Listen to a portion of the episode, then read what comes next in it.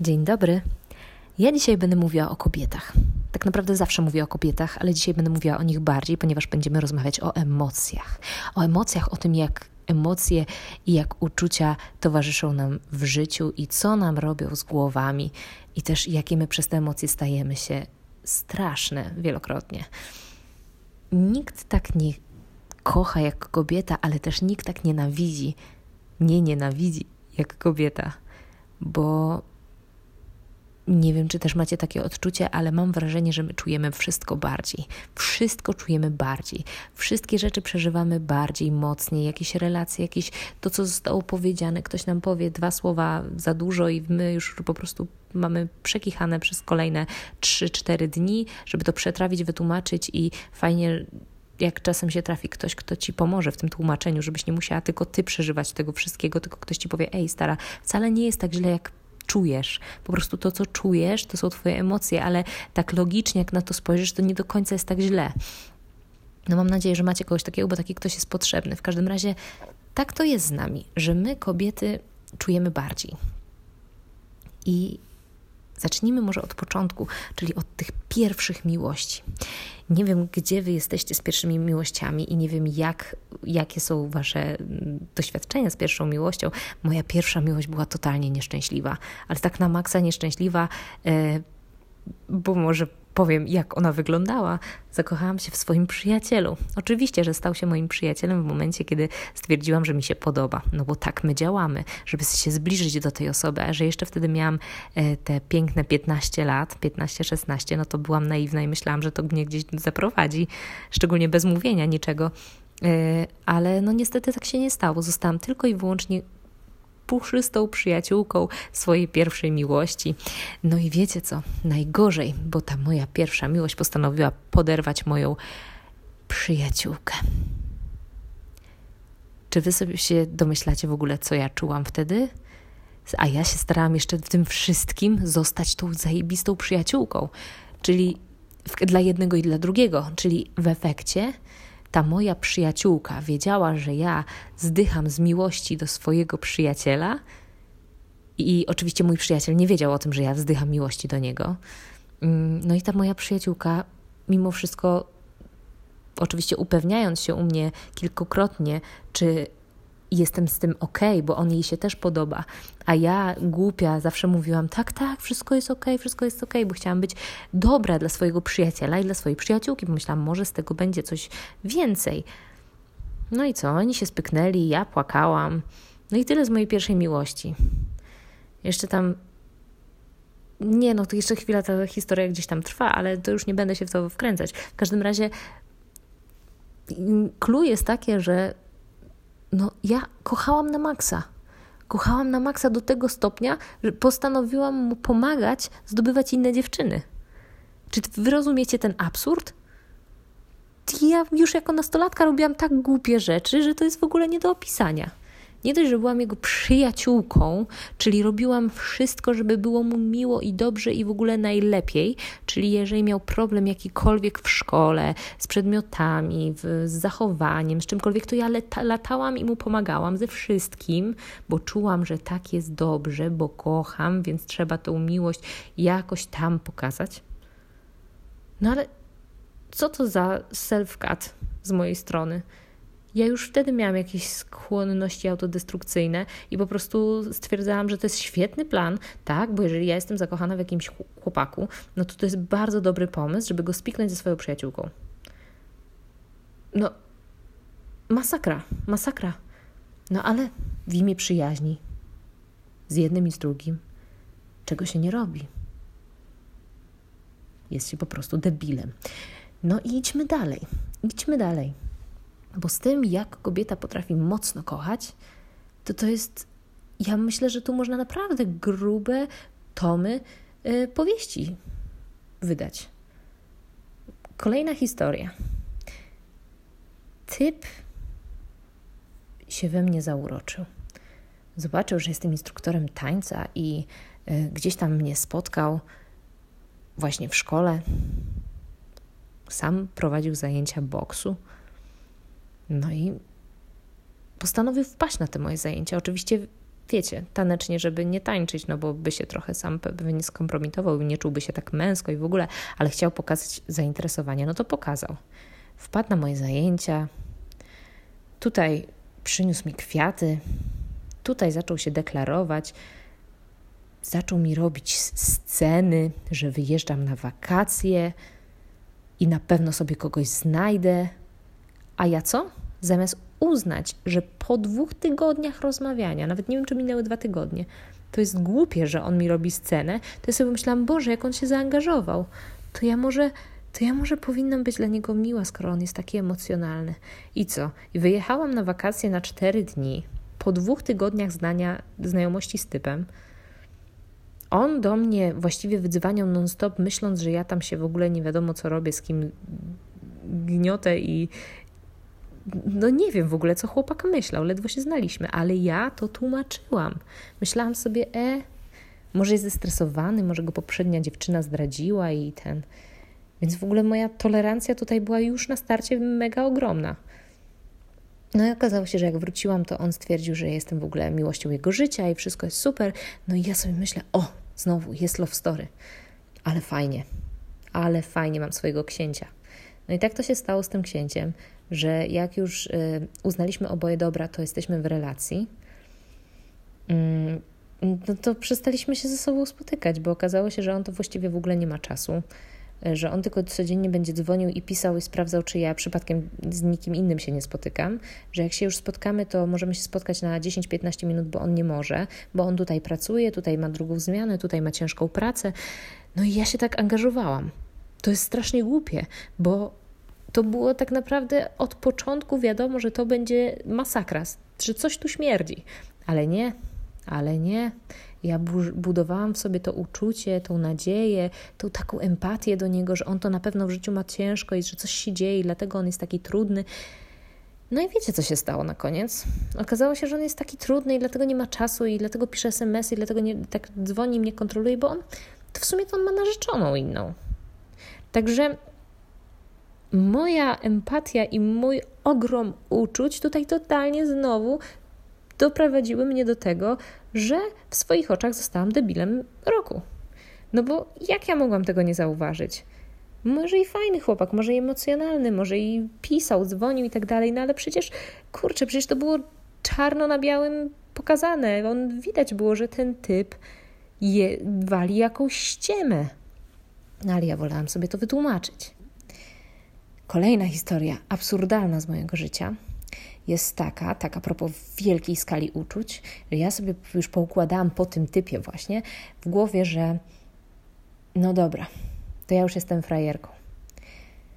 No ale kiedyś, jeszcze przed tym panem, który miał narzeczoną, był w moim życiu inny, który chciał się przyjaźnić i chciał mnie poznać.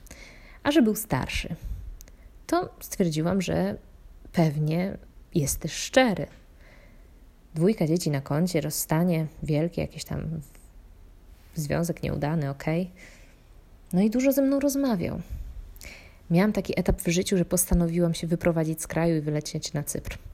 On wtedy się nie zgadzał z tą moją decyzją, stwierdził, że to było, to jest głupie, no ale ja muszę zrobić w życiu wszystko, co sobie zaplanowałam i jeżeli ja już zdecyduję tam na tym Cyprze, że to nie jest moje miejsce, to ja wrócę i będziemy razem. I on ogarnie mieszkanie, on ogarnie wszystko, będziemy razem żyć, robić rodzinę, robić dom, robić wszystko. I wiecie co? Ja wyleciałam na ten Cypr. Odnalazłam się tam totalnie. A ten gość do mnie codziennie dzwonił. Sprawdzał, jak mi tam jest. Ja oczywiście też się wkręciłam. Mówię mu, wiesz co, kupiłam ci bilety, chodź, wpadaj do mnie na wyspę, będzie wszystko super. I wiecie, kiedy mi powiedział, że nie przyjedzie? Dwie godziny przed lądowaniem. Okazało się, że on wcale nie wsiadł do samolotu. I tak się wtedy wytłumaczył, bo powiedział, że coś się stało w pracy, że nie mógł mi napisać, nie mógł nic powiedzieć, nie mógł do mnie zadzwonić, nic, nic nie mógł. Ale tak naprawdę dalej brnął w tą naszą relację, w, tą naszą, w ten nasz związek na odległość. No i miałam wrócić do Polski. I wróciłam. On miał na mnie czekać. I mieliśmy spróbować razem żyć. I wiecie co? Czekał na mnie. Odwiózł mnie do naszego wspólnego mieszkania, które wynajął. z myślą o tym, że będzie ze mną tam robił rodzinę i uwaga, zostawił mnie w tym mieszkaniu na kolejne dwa tygodnie, kiedy ja byłam w Polsce. I w tym momencie przestał mieć czas na kompletnie wszystko. Przestał mieć czas nawet dzwonić. A ja, naiwna, urządzałam w tym momencie mieszkanie. Wy się śmiejecie, ale moment, tamten moment, tamte chwile i co ja miałam wtedy w głowie, ja wierzyłam. Ja po prostu wierzyłam. Ja po prostu się angażowałam i ja naprawdę wierzyłam, że on nie ma czasu. Oczywiście, wiecie, kiedy znalazł czas? Kiedy ja miałam wylot za 4 godziny. Wtedy do mnie zadzwonił, powiedział: Właśnie miałem do ciebie dzwonić i chciałem się umówić, żebyśmy się spotkali i przegadali to naszą, te nasze plany na przyszłość. No i mój plan się skończył na tym, że jak tylko wsiadłam do samolotu, zablokowałam jego numer. Brzmi strasznie? No, jak tylko się skapnęłam, że po raz kolejny sfrajerzyłam, to stwierdziłam, że dobra, w tym momencie ja się zaraz ozdro... uzdrowieję, w sensie ja zaraz ozdrowieję, o, ale zablokujmy dostęp do mojej głowy temu typowi, bo ewidentnie robi tam bałagan. No i tak zrobiłam.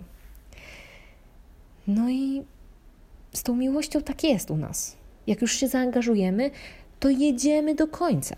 I naprawdę potrzebujemy takiego mocnego drogowskazu, mocnego znaku stop, żeby po wielu latach już potyczek i porażek zrozumieć, że robimy kolejny fuck up. Bo tak to nie rozumiemy. Tak to dalej brniemy w takie różne, dziwne historie i sytuacje. I ja myślę, ja mam wrażenie, że moje życie z takich sytuacji jest naprawdę bardzo, bardzo mocno złożone. Oczywiście do poznania mojego męża, który jest moim księciem z bajki i wszystko jest super. No i tutaj też jestem w 100% oddana i w 100% zaangażowana i też bym skoczyła z okna, z balkonu albo w ogień e, za, w imię miłości do swojego męża. No tak już mamy. Ja mam. Nie wiem, czy wy macie, ale ja tak mam. Jak już kochać, to na maksa. No ale z nienawiścią też tak mam jak jeden z moich chłopaków miał swoją przyjaciółkę, która bardzo, bardzo mocno starała się e, zniszczyć nasz związek, starała się mu wpakować do łóżka i cały czas mu e, w, jego oczach mnie oczerniała, cały czas mówiła na mój, na mój temat obrzydliwe rzeczy, do mnie te wszystkie informacje docierały, to powiem Wam, że moja tolerancja, wiedząc, że to jest jego przyjaciółka i że się przyjaźnią i znają od lat, Moja tolerancja kończyło, skończyła się po dwóch latach, kiedy wzięłam jego telefon i zablokowałam jej numer. I oczywiście, że to, co wtedy zrobiłam, jest straszne, bo on powinien sam to zrobić. Tylko, że A, ja go tak kochałam i tak byłam zaangażowana, że ja naprawdę wierzyłam, że on nie potrafi, że to jest jego dobre serce i on nie potrafi zerwać z nią kontaktu. B, ja jej tak nienawidziłam, że nie mogłam czekać na to, aż on zrozumie, że potrafi.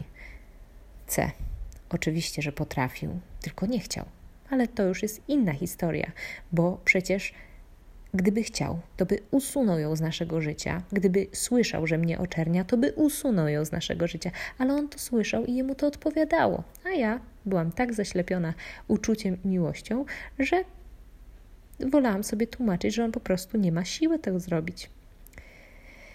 Także tak to jest z naszą miłością i z naszą nienawiścią. Jak kobieta kocha i jak się przyjaźni, to jedzie na maksa. I teraz też tak macie, że jeżeli już się angażujecie w jakąś relację, już gdzieś się poświęcacie, oddajecie, to robicie to w 100%. Ale jeżeli już nienawidzicie i macie kogoś serdecznie dosyć i macie ochotę kogoś zniszczyć, to robicie wszystko, żeby przypadkiem niechcący nie zostać mordercą albo jakimś innym złoczyńcą, bo byłybyście w stanie. Chociaż, zobaczcie, we wszystkich filmach to kobiety są takimi intrygantkami. To w Śpiącej Królewnej jest zła królowa, która całe życie opiera na tym, że chce się zemścić na królewnie Śnieżce, bo takiej nienawidzi. Prawda? Macie przykład. Ale jak facet nienawidzi, to albo to dusi w sobie, albo zapomina, albo jest po prostu psychopatą latającym z siekierą po ulicy.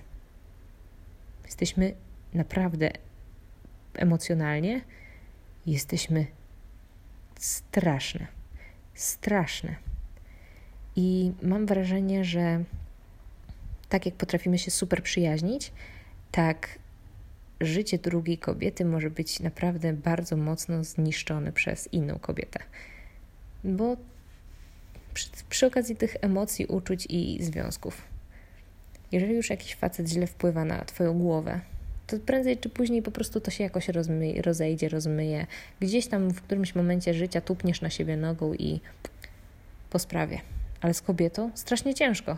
Jesteśmy jak rzepy. Jak już się przyczepimy do kogoś, jak już sobie ubzduramy coś, albo wkłożymy sobie do głowy, że kogoś nienawidzimy, to albo ściśniemy jadem w stronę tej osoby i tak to produkujemy ten jad coraz bardziej, coraz bardziej, coraz więcej, nawet jeżeli nic z tym nie zrobimy, to mamy w sobie takie strasznie złe emocje, albo